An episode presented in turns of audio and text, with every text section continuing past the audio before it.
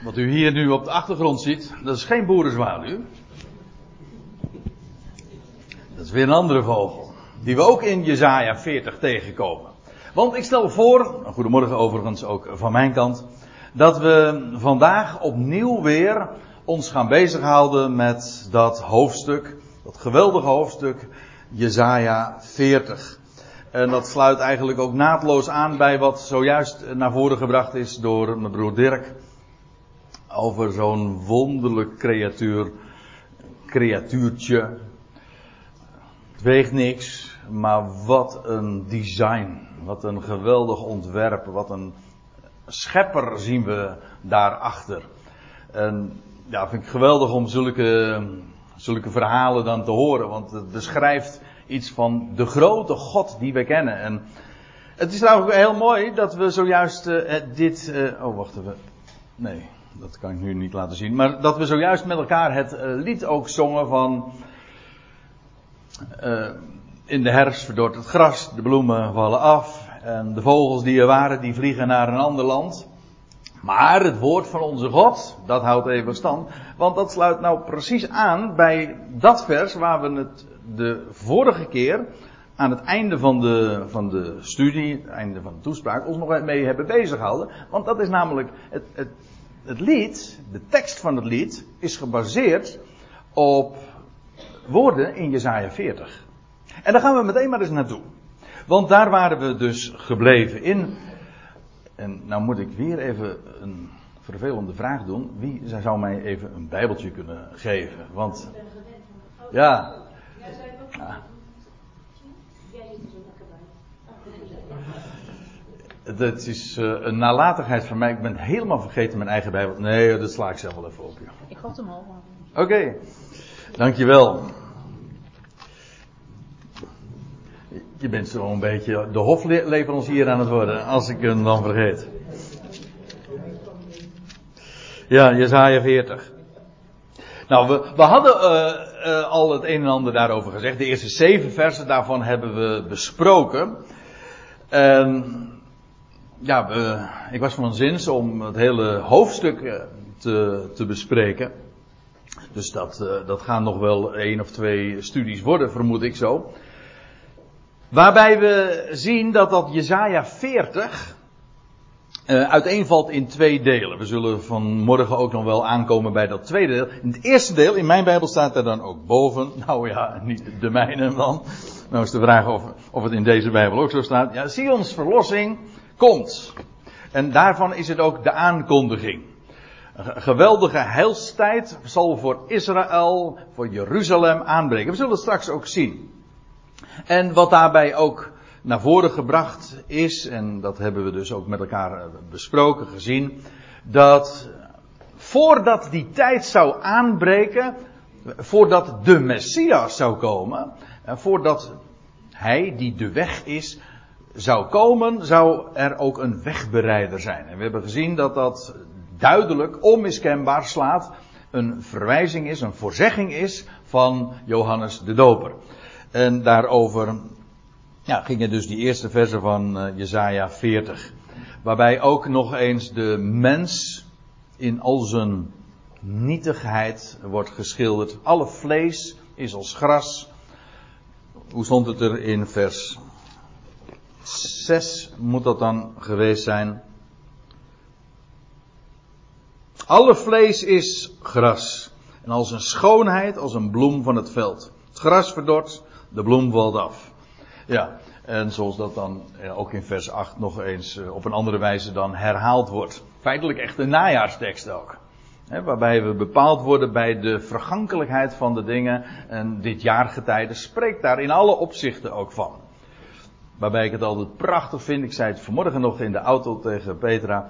Dat eh, het, weliswaar zie je, is het inderdaad eh, zoals gememoreerd eh, nog eigenlijk nazomer, maar toch de herfst, de eerste herfsttinten zie je alweer. En als dan, als dan, zoals vanmorgen ook, dat licht daarop schijnt, dan op die, op dat verval, op dat herfst, op, op die vergankelijkheid, dan, ja, dan ontstaat meteen die, die goudtint. Meteen alweer die verwijzing naar onvergankelijkheid.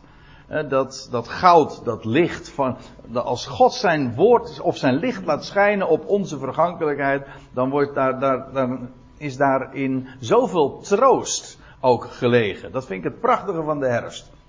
Vooral als daar dan het licht op schijnt. Het gras verdroogt. Laat ik dan maar meteen, meteen in ieder geval nu ook de draad oppakken. Het gras, gras verdroogt, bloesem verwelkt. Wel, de vergelijking is die dus met de mens in al zijn vergankelijkheid. Zoveel stellen we niet voor. Uh, maar, en dat was dan het punt, Gods woord houdt eeuwig stand. Of houdt stand gedurende de eeuwen. Terwijl alles in deze aion vergaat, dat woord is onvergankelijk. Dat houdt sta staande en houdt stand. En ja, wat er dan in de wereld allemaal ook bewegelijk is, dat je daarop kan staan en dat dat solide is. En er is niets beter dan, eh, voor een mens om te doen dan je daaraan, ja, daarop te oriënteren. Daarnaar te luisteren. En daarop te zien en dat te onderzoeken. Want dat woord is niet alleen maar onwankelbaar, het houdt stand, maar het is ook nog eens een keer de grootste rijkdom die een mens kan hebben. Anders is er eigenlijk niet echt. Want alles wat we zien, dat is als bloesem dat verwelkt. We lezen in 1 Petrus, daar gaan we nu even naartoe, dat Petrus in zijn brief ook naar Jezaja 40 verwijst. En dan, dan wil ik dat laten zien en dan haak ik aan bij vers 23 van dat, van dat hoofdstuk. En dan zegt, schrijft Petrus uh, dat wij wedergeboren zijn, nieuw leven hebben ontvangen, niet uit vergankelijk, maar uit onvergankelijk zaad. Namelijk door het levende en het blijvende woord van God. Het is blijvend, ja, en het is levend. Dus met recht dus levend. Dat totaal dus niet onderhevig is aan en bereikbaar is voor de dood. Dus echt onvergankelijk leven. Want, zegt Petrus, en nou komt het, en nou begint dus het citaat, alle vlees is als gras en al zijn heerlijkheid als een bloem in het gras. Het gras verdort, de bloem valt af, maar het woord van de Heer blijft tot in de aion. Als deze boze aion voorbij is, dan nog in die volgende aion, dat woord is, heeft stand gehouden. Dat is namelijk levend en blijvend. En, zegt Petrus er dan bij, dit nu is het woord, dit woord dus, dat levend en levend en blijvend is. Dit nu is het woord dat jullie, en ik citeer nu letterlijk, zoals het eigenlijk letterlijk staat, dat jullie geëvangeliseerd is. Dat wil zeggen dat jullie als blijde boodschap is gebracht. Waardoor jullie, want dat woord is namelijk ook nog eens zaad. Het is niet alleen levend, het verwekt ook leven. En degene die het hoort, en als dat zaad, dat is weer een ander beeld of een andere passage, als dat zaad dan in goede aarde valt, als de, Heer, als de Heere God je oren opent, je ogen opent, je hart opent en het valt erin, ja, dan, dan is het levend en dan verwekt het vervolgens ook leven. Nieuw leven. Vandaar ook wedergeboren. En als je trouwens nog iets terug leest in datzelfde hoofdstuk, dan lees je ook door wedergeboren, namelijk door, het, door de opstanding van Jezus Christus, die immers degene is die de dood overwon. De, de steen werd weggewenteld en hij is de garantie van leven dat triomfeert en dat ook volledig een, een einde gaat maken aan de dood. Dat woord van, God is levend, het verwekt leven, het getuigt van leven, het getuigt van echt leven, namelijk dat de dood inmiddels overwonnen heeft en uiteindelijk aan het einde ook volledig teniet zal doen, zodat er geen dood, geen sterfelijkheid meer is en allen levend gemaakt zijn. Kijk, dat is het woord dat jullie geëvangeliseerd is. Dat is evangelie. Zonder enige voorwaarden. En dan mag het waar zijn dat alle vlees gras is. En ook onze heerlijkheid slechts als een bloem is dat weer die afvalt en vergankelijk is, jawel, maar dat woord houdt stand, is levend, krachtig, levenverwekkend en alle dood overwinnend. Nou, daar kun je het inderdaad mee doen. En ik vind het prachtig om dat in het woord te lezen, maar ik vind het ook geweldig om te zien hoe God in zijn scheppingswerken dat allemaal ook demonstreert, illustreert. Ik bedoel, het is dezelfde bron. Dezelfde God die gesproken heeft, wiens woord we hebben en het is vastgelegd, het is geboekstaafd. Dezelfde, dat is dezelfde God die dat alles heeft gemaakt. Ja, ik kijk nou zo naar, naar, buiten. U ziet het misschien niet, maar ik zie dan de, nog steeds groene bomen. Ik zie een blauwe hemel. En ik van, het getuigt allemaal van wie Hij is. Zo, en ja, als we er zo ook bij bepaald worden, dan is, dan sluit dat ook zo naadloos aan bij wat we lezen in Jesaja 40, want dat, daar wordt zo magistraal beschreven, niet alleen maar omschreven, verteld, maar ook beschreven hoe groot die God is. En hoe nietig al het andere is. En het geweldige is trouwens ook hoe nietig onze problemen daar zijn. In zijn ogen. Die alvermogende God. En juist daarom wordt dat ook geschilderd. We zullen dat later ook nog wel zien. Maar laat ik eerst nog even verder gaan. Eerst nog, dit is nog steeds dat eerste gedeelte van Jesaja 40. En dan staat, ga op. Dat wil zeggen, ga omhoog. Op een verheven berg. Berg in het algemeen is in de Bijbel al een beeld van het koninkrijk. En dat blijkt ook in dit vers uh, het geval te zijn. Maar de gedachte is hier ook uh, naar een verheven berg. Waarom? Wel om je stem te verheffen. Ik vind dat wel mooi. Als je, dat, uh, als je er even over doordenkt. Want wij spreken daarover. Je stem verheffen. Wat natuurlijk betekent dat je je volume eventjes verhoogt. Ja, ook weer verhoogt.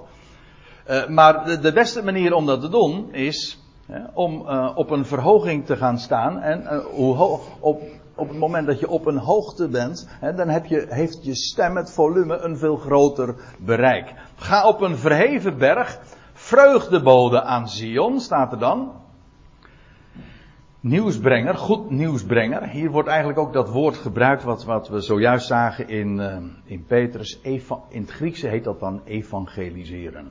Een vreugdebode, dat is iemand die een goede tijding heeft te vertellen.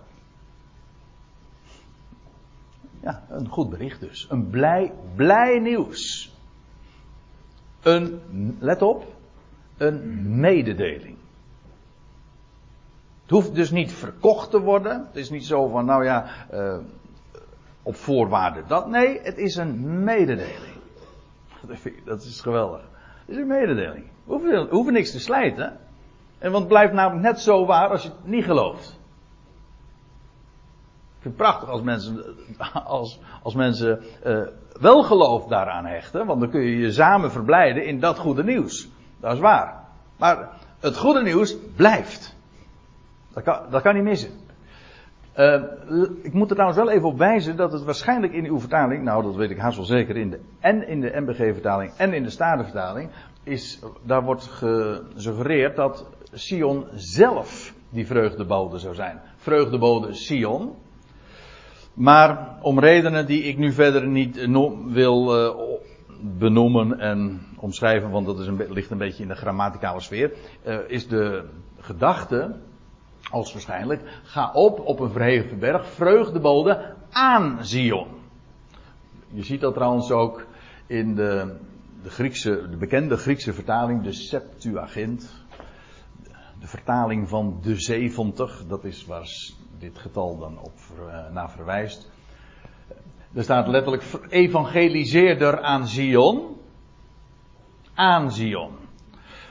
Dus dan is Sion niet degene die de de, het evangelie brengt, maar aan wie dat gebracht wordt. Ga op op een verheven berg, vreugdebode aan Sion. Verhef in kracht jouw stem. Vandaar dus ook op die verheven berg. Zodat het een groot bereik heeft. Zodat, zodat Jeruzalem het in zijn geheel zal horen. En ook in de omstreken. Want dan ga ik u uh, dat zal ik u straks ook laten zien. Verhef in kracht jouw stem, vreugdebode aan Jeruzalem. En ik zal u vertellen, dat wat hier gezegd wordt, en feitelijk hebben we dat de vorige keer ook al gezien, als voorzegd wordt door Jezaja, dat voordat de Messias zou komen, dat er eerst iemand zou komen die in de woestijn de weg van de Heer zou voorbereiden. Zou egaliseren en de, de weg bereiden. Dat was Johannes de Doper. Maar dat was allemaal gericht op Israël, op Zion, op Jeruzalem. Waarom? Wel, maar ja, dat is ook een van de geweldige thema's van het boek Jezaja. Jeruzalem wordt namelijk de stad. Broer Dirk had zojuist over dat koninkrijk dat gaat komen. Jawel, maar van waaruit gaat dat koninkrijk gevestigd worden? Nou, daar in het Midden-Oosten. Meer specifiek, het land van het beloofde land. Nog specifieker, de stad Jeruzalem, Sion. Dat is de stad van de grote koning. En van daaruit, vanuit die stad, vanuit dat land, zal dan het koninkrijk wereldwijd gevestigd worden. Maar het begint daar in dat land. Nog steeds is dat gewoon de waarheid. Wel, die boodschap wordt gebracht aan Jeruzalem. Het is wat Paulus dan noemt in Galaten 2, vers 7. Dat is het evangelie van de besnijdenis. Dat wil zeggen, het volk dat, aan, dat, dat het teken heeft ontvangen van de besnijdenis. Wel, dat volk heeft een evangelie. En aan dat volk wordt ook een evangelie gebracht. Dat bij dat volk ook specifiek hoort. Want als zij eenmaal als natie ook gaan geloven. Als God de oren van dat volk gaat openen. Ja, dan gaat er ook gebeuren. Want dan gaat namelijk niet alleen die, gaan niet alleen die oren open. Dan gaat ook vervolgens de, de mond geopend worden. En dan zal dat volk en dat die stad Jeruzalem. Vanuit Jeruzalem zal des Heren woord uitgaan. Dat is trouwens Jezaja 2, wat ik nu zeg. Dus ja, dan gaat er heel veel gebeuren. Maar dat is dat evangelie van de besnijdenis. Heeft niets te maken met de, de, uh, met de tegenwoordige tijd. Dat is het evangelie van, uh, van, de, van de voorhuid. Maar hier gaat het over dat evangelie. Verhef in kracht jouw stem, vreugdebode aan Jeruzalem. Verhef ze, vrees niet, zeg tot de steden van Juda. Ziet u hoe joods hier alles klinkt? Jeruzalem, Sion, de steden van Juda, aanschouw uw God, want God zal inderdaad verschijnen. Ja, in wie anders dan in zijn zoon. Aanschouw uw God. Aanschouw mijn Heer, Jaweh. Komt in standvastigheid. Dat die standvastigheid heeft ongetwijfeld ook te maken met het feit dat die belofte staat en daadwerkelijk ook vervuld zal worden. En dan staat erbij, en zijn arm zal heersen voor hem.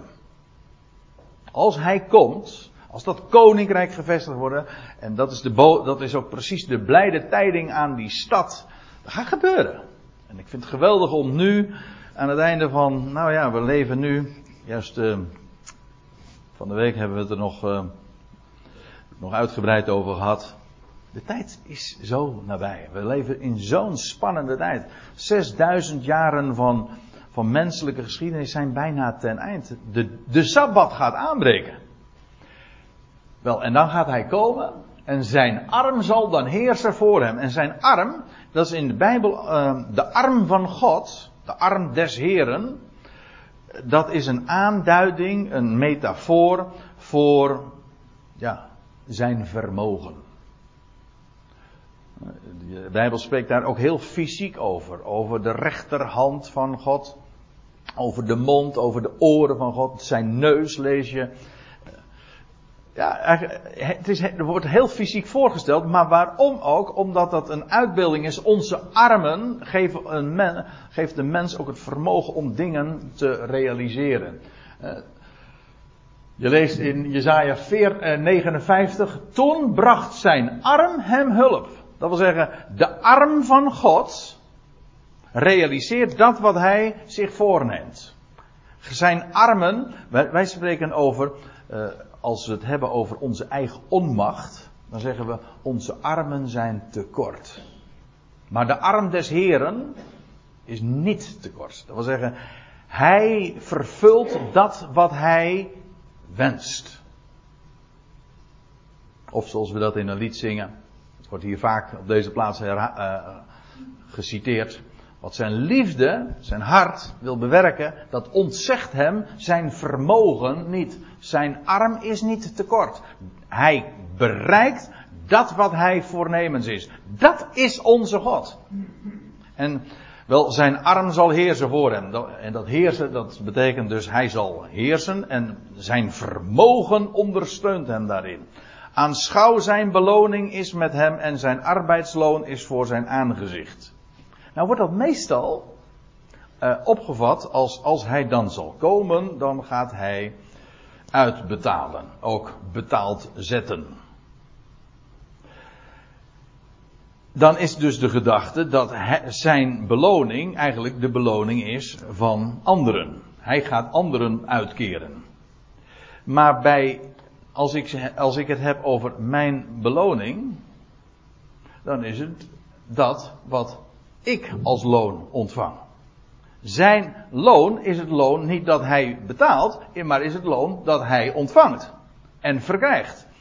En ik geloof ook inderdaad dat dat uh, de gedachte is. Uh, zijn, zijn beloning, dat wat hij verdiend heeft, wat hij verworven heeft, zijn arbeidsloon, dat is voor zijn aangezicht. Als hij zal verschijnen, dan neemt hij iets mee.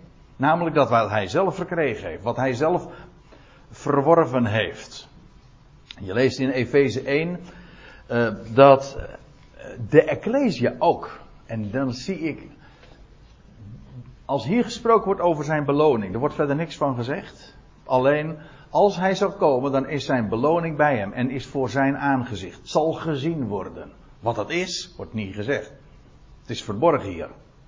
Als ik het zo zeg, dan dan zou er eigenlijk ook een, een, lampje moeten gaan branden. Aha, dat is hier zijn beloning, dat is verborgen. Ja, precies. Maar dat is die Ecclesia. Hij heeft zich een Ecclesia verworven. Dat is zijn loon. En dat zal hij straks met zich meenemen. Zijn volk, zijn lichaam, zal, zal straks ook met hem verschijnen.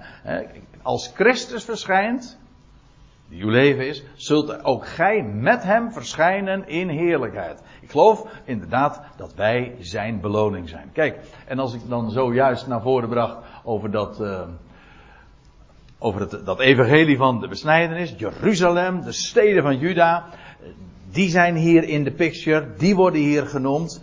Denk dan niet van dat wij daar buiten staan. Jawel, wij, wij zijn het loon, het arbeidsloon van hem. En als hij straks zal verschijnen, wel dan verschijnt, dan zullen wij ook met hem in heerlijkheid verschijnen.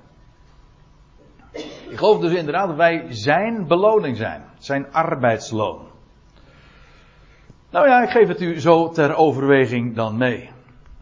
En dan staat er in vers 11, dat is een bekend vers voor mij tenminste heel bekend vers. Als een herder zal hij zijn bijeengedreven kudde weiden. Als een herder. Eerst in het voorgaande vers was hij nog de koning, degene die heerst. En hier heet hij een herder.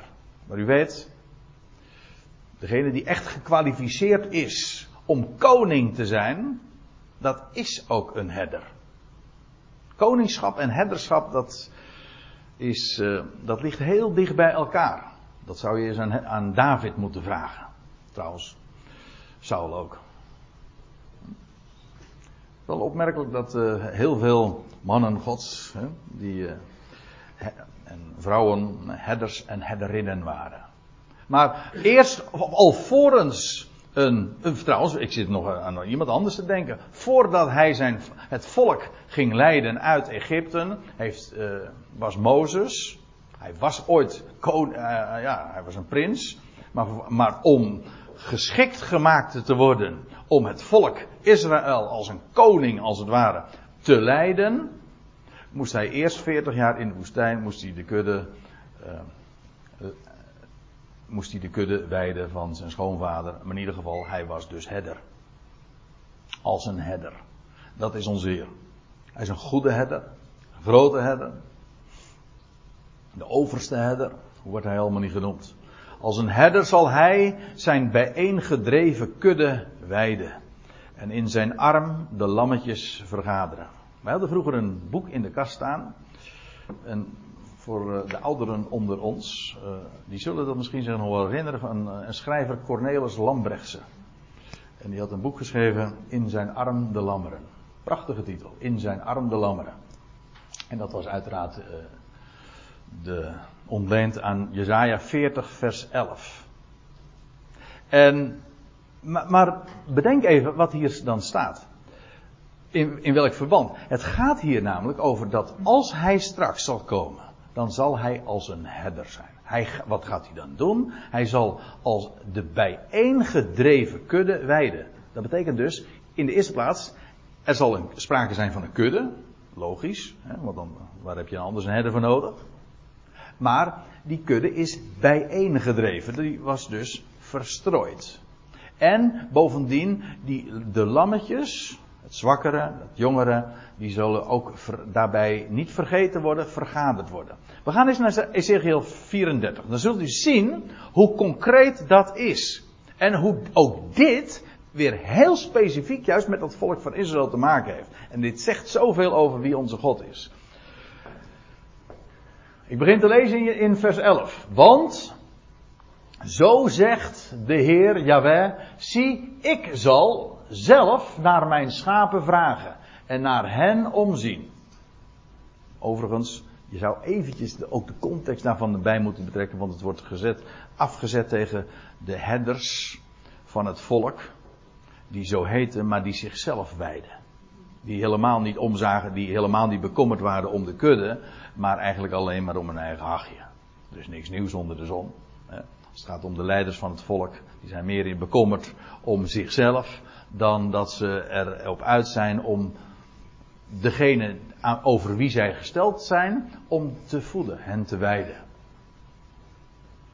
Maar God zegt, ik zal, voor zeg ik, naar mijn schapen vragen en naar hen omzien. Zo, zoals een herder. Zoals een herder naar zijn kudde omziet. Zo zal ik naar mijn schapen omzien en ze redden uit alle plaatsen waar zij verstrooid zijn geraakt. Op de dag van wolken en duisternis. Dus die, het, e- het idee daarbij is dat die kudde inderdaad verstrooid is. Ik zal, lees verder in vers 13. Ik zal ze midden uit de volkeren doen uittrekken. Kijk, dat is precies wat er met Israël gebeurd is. Israël is in de diaspora terechtgekomen. Dat wil zeggen in de verstrooiing. Verstrooid, zoals ook voorzegd was, onder alle volkeren. Maar God had gezegd, er komt een dag dat ik hen weer terug ga brengen. En u zegt, ja, dat is sinds 1948 de Joodse staat. Nou, dat is nog maar de vraag. Dat heeft alles te maken met de eindtijd, of, en die nadert. Maar wat we nu zien, dat is nog niet die vergadering van, van, van de kudde, waar, waarvan bijvoorbeeld in Ezekiel 34 gesproken wordt, of Jezaja 40. Dan gaat God het zelf doen, maar dan ook volledig en met succes. Dat is dus niet de, de reconstructie van de Joodse staat die we nu weer zien, want dat is nog voorzegd, dat is waar, maar het is mensenwerk.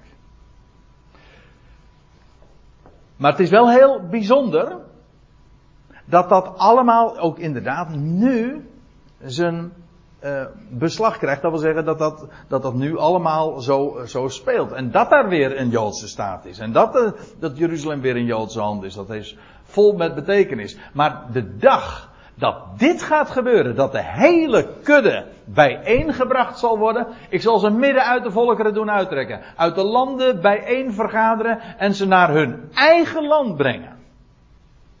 Dat gaat God doen. De bijeengedreven kudde, waar Jezaja ook over sprak. Dan lees je nog even verder in Ezekiel 34. Ikzelf zal mijn schapen weiden. Hij zal ze dus dan ook voeding geven. Zijn woord namelijk. Hoe vaak, hoe vaak lezen we in de Bijbel niet dat beeld van een herder, maar ook het beeld van een kudde die ge, gewijd wordt. In de grazige weiden van het woord van God. Daar is plenty. Er is zoveel voeding. En dat, zoals een schaap dat ook doet, die eet dat en die herkoudt dat, heeft zoveel voedingswaarde. Wel, dat is wat de herder straks ook met het volk gaat doen. Ik zelf zal ze doen neerliggen. Rust dus geven ook. Luidt het woord van de Heer Jahweh. De verlorene zal ik zoeken. Dat is precies wat de Heer altijd doet. Hè? Hij zoekt het verlorene. En weet u wat ik helemaal mooi vind? Vindt het nog ook. Hij zoekt net zolang dat hij gevonden heeft. En de afgedwaalde terughalen. De gewonden zal ik verbinden. De zieken versterken. Met andere woorden, niemand ontkomt. Ook de zwakke, dat wat gemakkelijk zo buiten, eh, buiten het zicht eh, raakt. Of waar mensen geen belangstelling voor hebben. Of wat niet interessant is. Wel, dat, daar ziet hij naar om. Zo'n herder is hij. Hij is dus ook met recht de goede herder. En als ik nou weer even terugga naar Jezaja 40. Als een herder zal hij zijn bijeengedreven kudde weiden. In zijn arm de lammetjes vergaderen. En in zijn schoot dragen. Het is een prachtig beeld van, van een herder die omziet. Die bekommerd is. Die zorg draagt voor en liefde heeft voor zijn kudde. De zogende leidt hij zachtjes. Het, is ook, het zijn van die woorden die ook resoneren dan weer andere passages. Met name in Jezaja spreekt daar zo prachtig over. Uh, ik denk aan de tekst in Jezaja 42, dus twee hoofdstukken verder. Het geknakte riet, dat zal hij niet verbreken. Dus dat wat menselijk gewijs gewoon ja, geknakt is. Eigenlijk hopeloos. Jongens, dat, dat gaat hem niet meer worden. Ja, maar dat zal hij niet verbreken. Er zit een knak in. Maar, en de kwijnende vlaspit, ziet u het voor u? een, een olielampje, of een, ja, een olielamp en, en zo'n vlaspit die eigenlijk alleen nog maar walmt, bijna uit is. Dat dooft hij niet. Nee, dat maakt hij weer aan. De kwijnende vlaspit zal hij niet uitdoven. Dat is de zorg als een, van hem als een herder. De zogende leidt hij zachtjes. Niets en niemand ontgaat daar uh, zijn oog. En als dat zo gezegd is, nu, in dit gedeelte, prachtig daarmee ook afgesloten. Wat een God, wat een, een herder, en maar ook wat daarmee ook een redder is hij. En dan vervolgens, vanaf vers 11, dus nee, eigenlijk vanaf vers 12, gewoon in navolgende krijg je een nieuw, pas, nieuwe passage. En dan staat er in mijn Bijbel boven: Sions verlosser, dat is de verhevene en de machtige. Dus, want vanaf vers 12 krijg je een hele wending als in, de, in het betoog van, van Jezaja. Waarom? Wel, hij had nu geschilderd wat God gaat doen, hoe hij zijn volk gaat uitredden, hoe hij de kudde bijeen zal drijven. En dat goede nieuws wordt aan Jeruzalem en de steden van Juda verkondigd. En die verlosser, die is ook werkelijk God. Als hij dat belooft, dan zegt dat niet zomaar iemand. Nee, dat is de God. Waar we per definitie altijd te klein over denken. En dat, en dat wordt zo majestueus. Dat is precies het woord wat, wat je daar denk ik voor moet gebruiken. Dan beschreven in het navolgende. Die God is namelijk ook bij machten om te redden.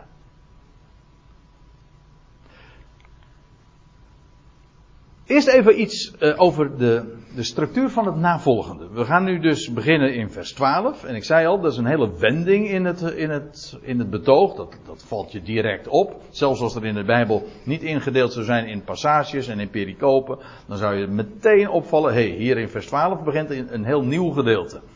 Maar ik wil u wat laten zien over de structuur van het gedeelte tot aan het einde van dit hoofdstuk.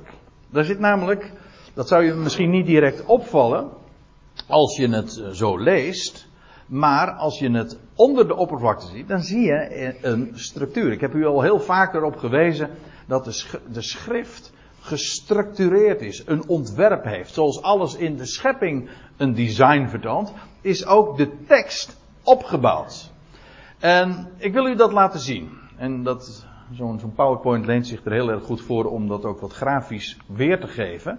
Eerst eh, krijgen we de uitdaging. God daagt uit. En dan laat hij zien hoe alvermogend hij is. Dan krijg je in vers 13 en 14 dat de mens bevraagd wordt. Zijn kennis wordt op de proef gezet. Weet jij dat? En het zijn allemaal van die retorische vragen. Zo van, de vragen worden gesteld. Weet jij dat? Nou, het antwoord is nee, dat weten we niet. De mens wordt bevraagd. En dan krijg je in vers 15 tot 17, dan wordt naar voren gebracht dat de natieën onbetekenend zijn voor hem. Dat wil zeggen in hun nietigheid. Zie, de volkeren zijn als een druppel aan een emmer. Nou, dat, dat soort beeldspraak wordt dan gebezigd. Dan krijg je in vers 18 tot 20 dat Yahweh weer uitdaagt. En dan laat hij zien dat hij boven de goden staat. Dat wil zeggen, de, de natieën die zo hun eigen godheden hadden en daar etiketten op hadden geplakt. Maar de God, waar Jezaja over spreekt, ja, dat is eh, een God van een heel andere orde. Eigenlijk is het zo dat Jeza, God zelf spreekt bij monden van Jezaja. Jezaja is dus de mond van Yahweh. Het Hebreeuwse woord voor, voor profeet, dat betekent eigenlijk ook mond. Een profeet is namelijk de mond van God. God spreekt bij monden van Jezaja. Maar God daagt weer uit, u ziet. En hij staat boven de goden. Iedere keer is er dan de majestueusheid van de God die dan in die uitdaging doorklinkt. En dan vervolgens in vers 21 wordt de mens weer bevraagd. Weer net als hier. En dan in vers 22 tot 24 dan worden de machthebbers van de aarde. De koningen, de presidenten, gewoon de, de mannen in tel. Weet je wel, waar naar opgekeken wordt. Diegenen die het voor het zeggen hebben hier op aarde. Wel, die zijn, die zijn onbetekenend. Hier waren de natieën al zodanig onbetekenend. Wel, en dan in deze, in deze strofe zijn het de machthebber zelf. Hoeveel men misschien ook claimt en hoeveel men ook pretendeert. Wel, ze zijn in het licht van de God volstrekt onbetekenend. Wordt prachtig naar voren gebracht. En dan krijg je in vers 25 en 26 dat God weer spreekt en dat hij weer uitdaagt. En dan laat hij zien dat hij boven de hemellichamen staat. Zon, maan en sterren. Hij is de God. En dan wordt vervolgens naar aanleiding daarvan de mens weer bevraagd. Waarbij de mens eigenlijk met die vragen, met die retorische vragen, wordt de mens gewoon neergezet. Zo van, de alwetende, de alvermogende God. Wat is de mens? En je, met de vragen die je dan als het ware tot je komen, schrompel je in 1 tot volstrekt 0,0. Helemaal niks ben je. In het licht van die God. Dat is zo schitterend in het boek Jezaja. Hij is de God. En ons leven heeft gewoon. Uh, we begrijpen pas, laat ik het anders zeggen. We hadden gisteren een conferentie in Garderen. De Goed Berichtconferentie was een heerlijke dag. En toen heeft Menno, Menno Heijman aan het einde van de dag ons uh, meegenomen uh, naar ja, de betekenis van het verzoendeksel. Een aantal van u waren daar natuurlijk ook bij. ik ga trouwens vanmiddag ga ik het al, hoop ik het allemaal op de, de website ook te gaan zetten. Dus dan kunt u nabeluisteren. Maar wat daarin klonk, uh, wat Menno uh, aan het einde van de dag naar voren bracht, is dat de mens, God wil dat alle mensen gered worden. Dat wil God. En er staat erbij, er staat iets achter in 1 Timotheus. En tot besef van de waarheid komen. Die waarheid staat er toch wel. Ik bedoel, of een mens dat nou beseft of niet. God wil dat alle mensen gered worden. Of een mens dat nou wil of niet. Maar hij wil dat. Maar een, hij wil ook dat een mens tot besef van waarheid komt. Trouwens, en dat was ook het geweldige. De mens komt ook eenmaal tot dat besef. Elke knie gaat buigen en elke tong gaat het beamen. Elke tong. Iedereen. Jij, als je van, ja, uh, of, of, of, in deze zaal of buiten de zaal, eh, die de schouders daarover ophalen en daar misschien niks van willen weten. Iedereen gaat die God erkennen. Hij is God. Nou, dat wat in Jezaja zo schitterend uh, naar voren uh, gebracht wordt. Hij is die God. Hij is die herder. Hij is die redder. Ja. En ons leven gaat pas zin krijgen wanneer je tot besef van die waarheid bent gekomen. Wie hij is. En dan komt er een glans in je ogen. Ja, die, eigenlijk, die ook niet meer weg kan. Dat, dat, dan heb je iets gezien van waar het werkelijk om gaat. Wat blijft. Het woord van God, nietwaar? En dat leeft. Dat krachtig is.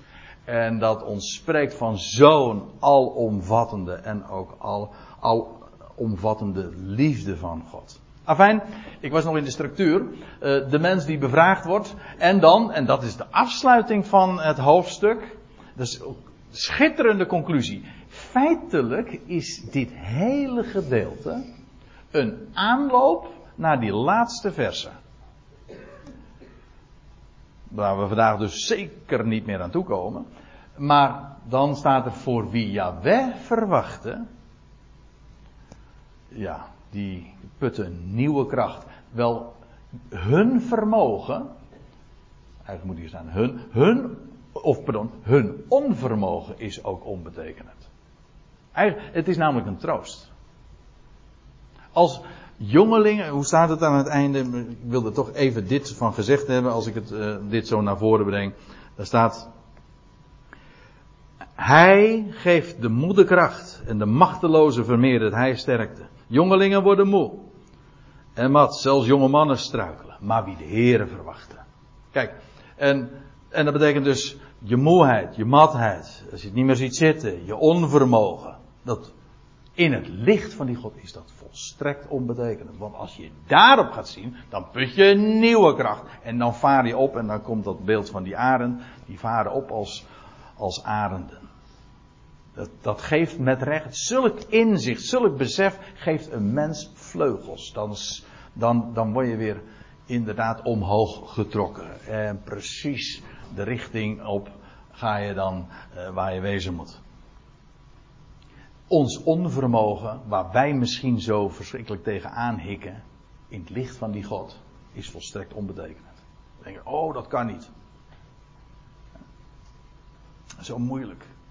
U wel, weet u, weet u hoe, hoe groot uw problemen zijn? U zegt, verschrikkelijk groot. Kan. Ik weet zeker dat er hier mensen in de zaal zijn die zeggen, nou, die zijn verschrikkelijk groot. Maar weet u ook hoe groot ze zijn in het licht van God? Die zegt, ik zorg voor jou. Ik geef wat jij nodig hebt. En mijn weg met jou ook is de beste, de beste altijd. Geloof je dat? Je zegt, nou, dat, dat, dat lijkt me stug. ja, dan, dan mis je dus uh, de enorme potentie, de kracht van dat, die waarheid. Maar wie de hem verwachtte.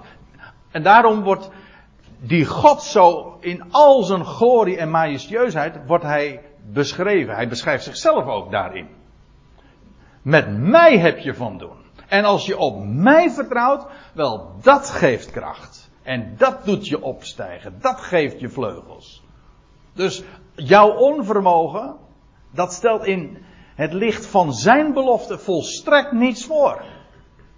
Want hij is vermogend. Dus ja, dan, ik gebruik vaak dat beeld van die plafond. En dan rijk je, verder kunnen we niet. Hè? Onze armen zijn dan te kort. Die rijken niet verder. Ja, nou, en daar waar wij dan ophouden, daar begint God. Dat is onze plafond, dat is zijn vloer, daar begint hij. Nou,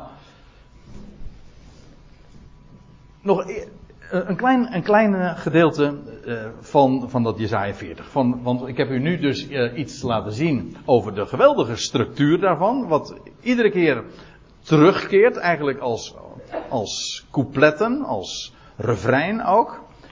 En dan staat er, en je voelt meteen ook hoe hier inderdaad een, wending gegeven wordt aan, aan, de, aan Jezaja's betoog.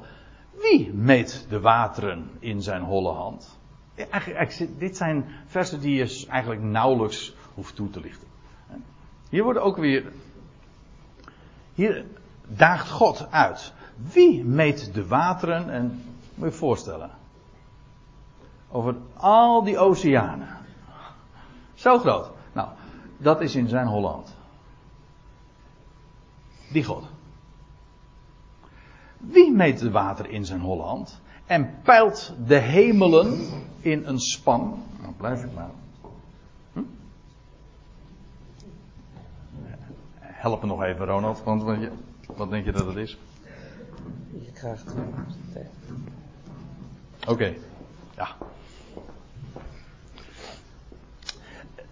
Dankjewel. Uh, wie meet de wateren? De, al die zeeën en oceanen. Wie meet dat in, uh, in zijn holle hand? En, en peilt de hemelen in een span. Dat ontgaat u misschien, maar een span is dit. Dat is de, als je, je je hand strekt, dan is dat de ruimte of de afstand tussen je, de top van je duim en de top van je pink. Want dat is een span.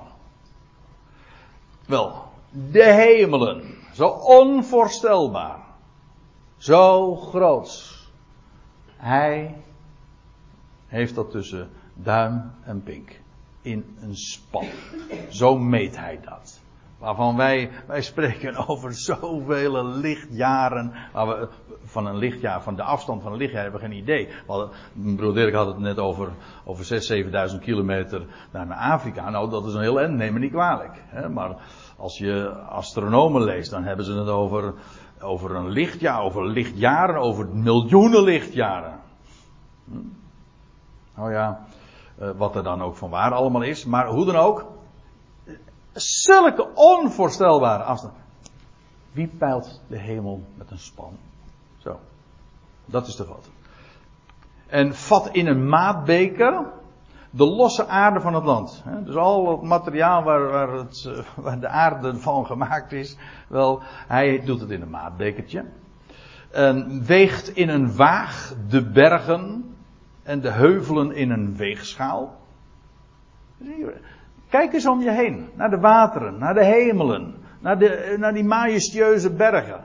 Wie is er niet van onder de indruk? Ik bedoel, de vakantie is, nou ja, ligt voor, de, sommigen alweer erg ver achter zich. Maar dan ben je daar uh, in de Alpen of uh, al die plaatsen. En dan, kijk je omhoog en je ziet die bergen. Dan, dan word je toch klein.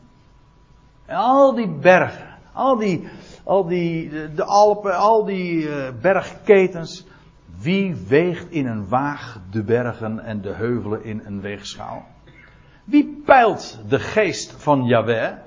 En doet hem zijn raadgeving weten. Dat wil zeggen, wie kan peilen wat er in zijn geest omgaat? We hebben geen eens een idee van wat, hoe de schepping, zelfs een heel klein dingetje van zijn schepping, hoe dat precies in elkaar zit. Ik vind het altijd prachtig als je experts hoort, hè, de mensen die echt eh, zich hebben bezig gehouden met, met een, een facetten die daar een doctoraat in hebben verkregen. En een klein facetje. Je kan, we van de week in thuis hadden we nog een hele gesprek over, uh, over dat er zoveel mensen zijn die, die zich dag en dagelijks professioneel bezighouden met de Drosophila. Dat was een, zo'n irritant fruitvliegje. Weet je wel? Zo'n heel klein, piepklein fruitvliegje. Maar dat is een wonder. En daarvan zegt men, als je dan, ik heb, dat, ik heb dat gehoord van experts. Ja, vergis je niet. Wij zijn daar al met zoveel al jaren, decennia mee bezig. Maar we weten er eigenlijk nog niks van. Dat is toch onvoorstelbaar. En, en dat is allemaal van de schepper mensen. Je wordt er toch. Het is toch adembenemend. Wat een God. Wie peilt de geest van Yahweh en doet hem zijn raadgeving Wij weten het allemaal zo goed. En dan zeggen we van, en dat is ook, dit is gewoon belachelijk. Als je er goed over nadenkt. Dat wij ons een oordeel menen te kunnen permitteren over de wegen die God gaat. Dat zegt, nee, God doet het niet goed. Wie denk je wel dat je bent, joh? Dat je zoiets durft te zeggen over de grote God. Wat begrijp jij nou? En dat is, hier gebeurt dat in Jezaja. Dan wordt de mensen bevraagd. Wat, wat, oh, oh, ga jij een oordeel uh, over, over, over God vellen? Nou, uh, ik zal je eens een paar vragen stellen. En dan wordt, en dan wordt een schepsel, een klein creatuurtje of een groot creatuur, wordt uh, naar voren gebracht. Job doet, in het boek Job gebeurt dat ook.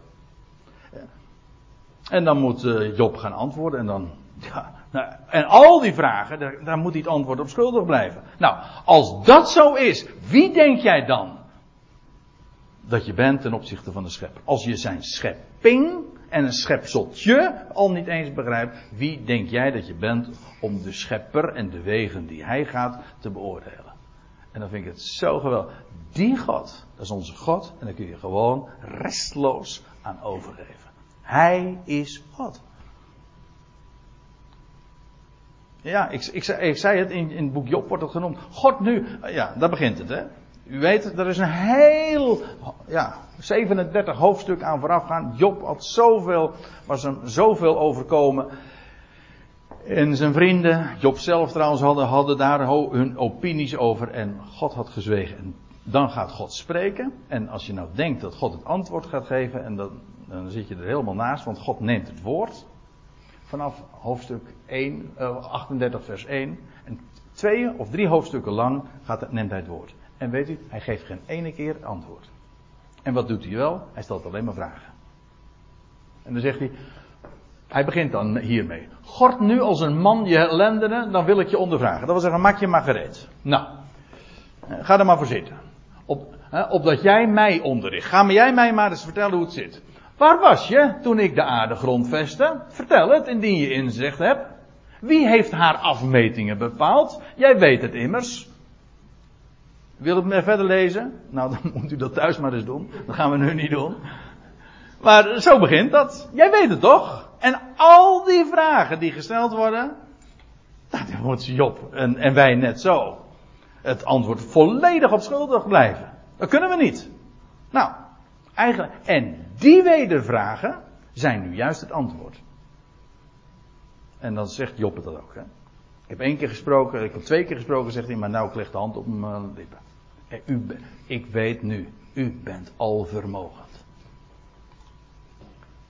En u maakt nooit fouten.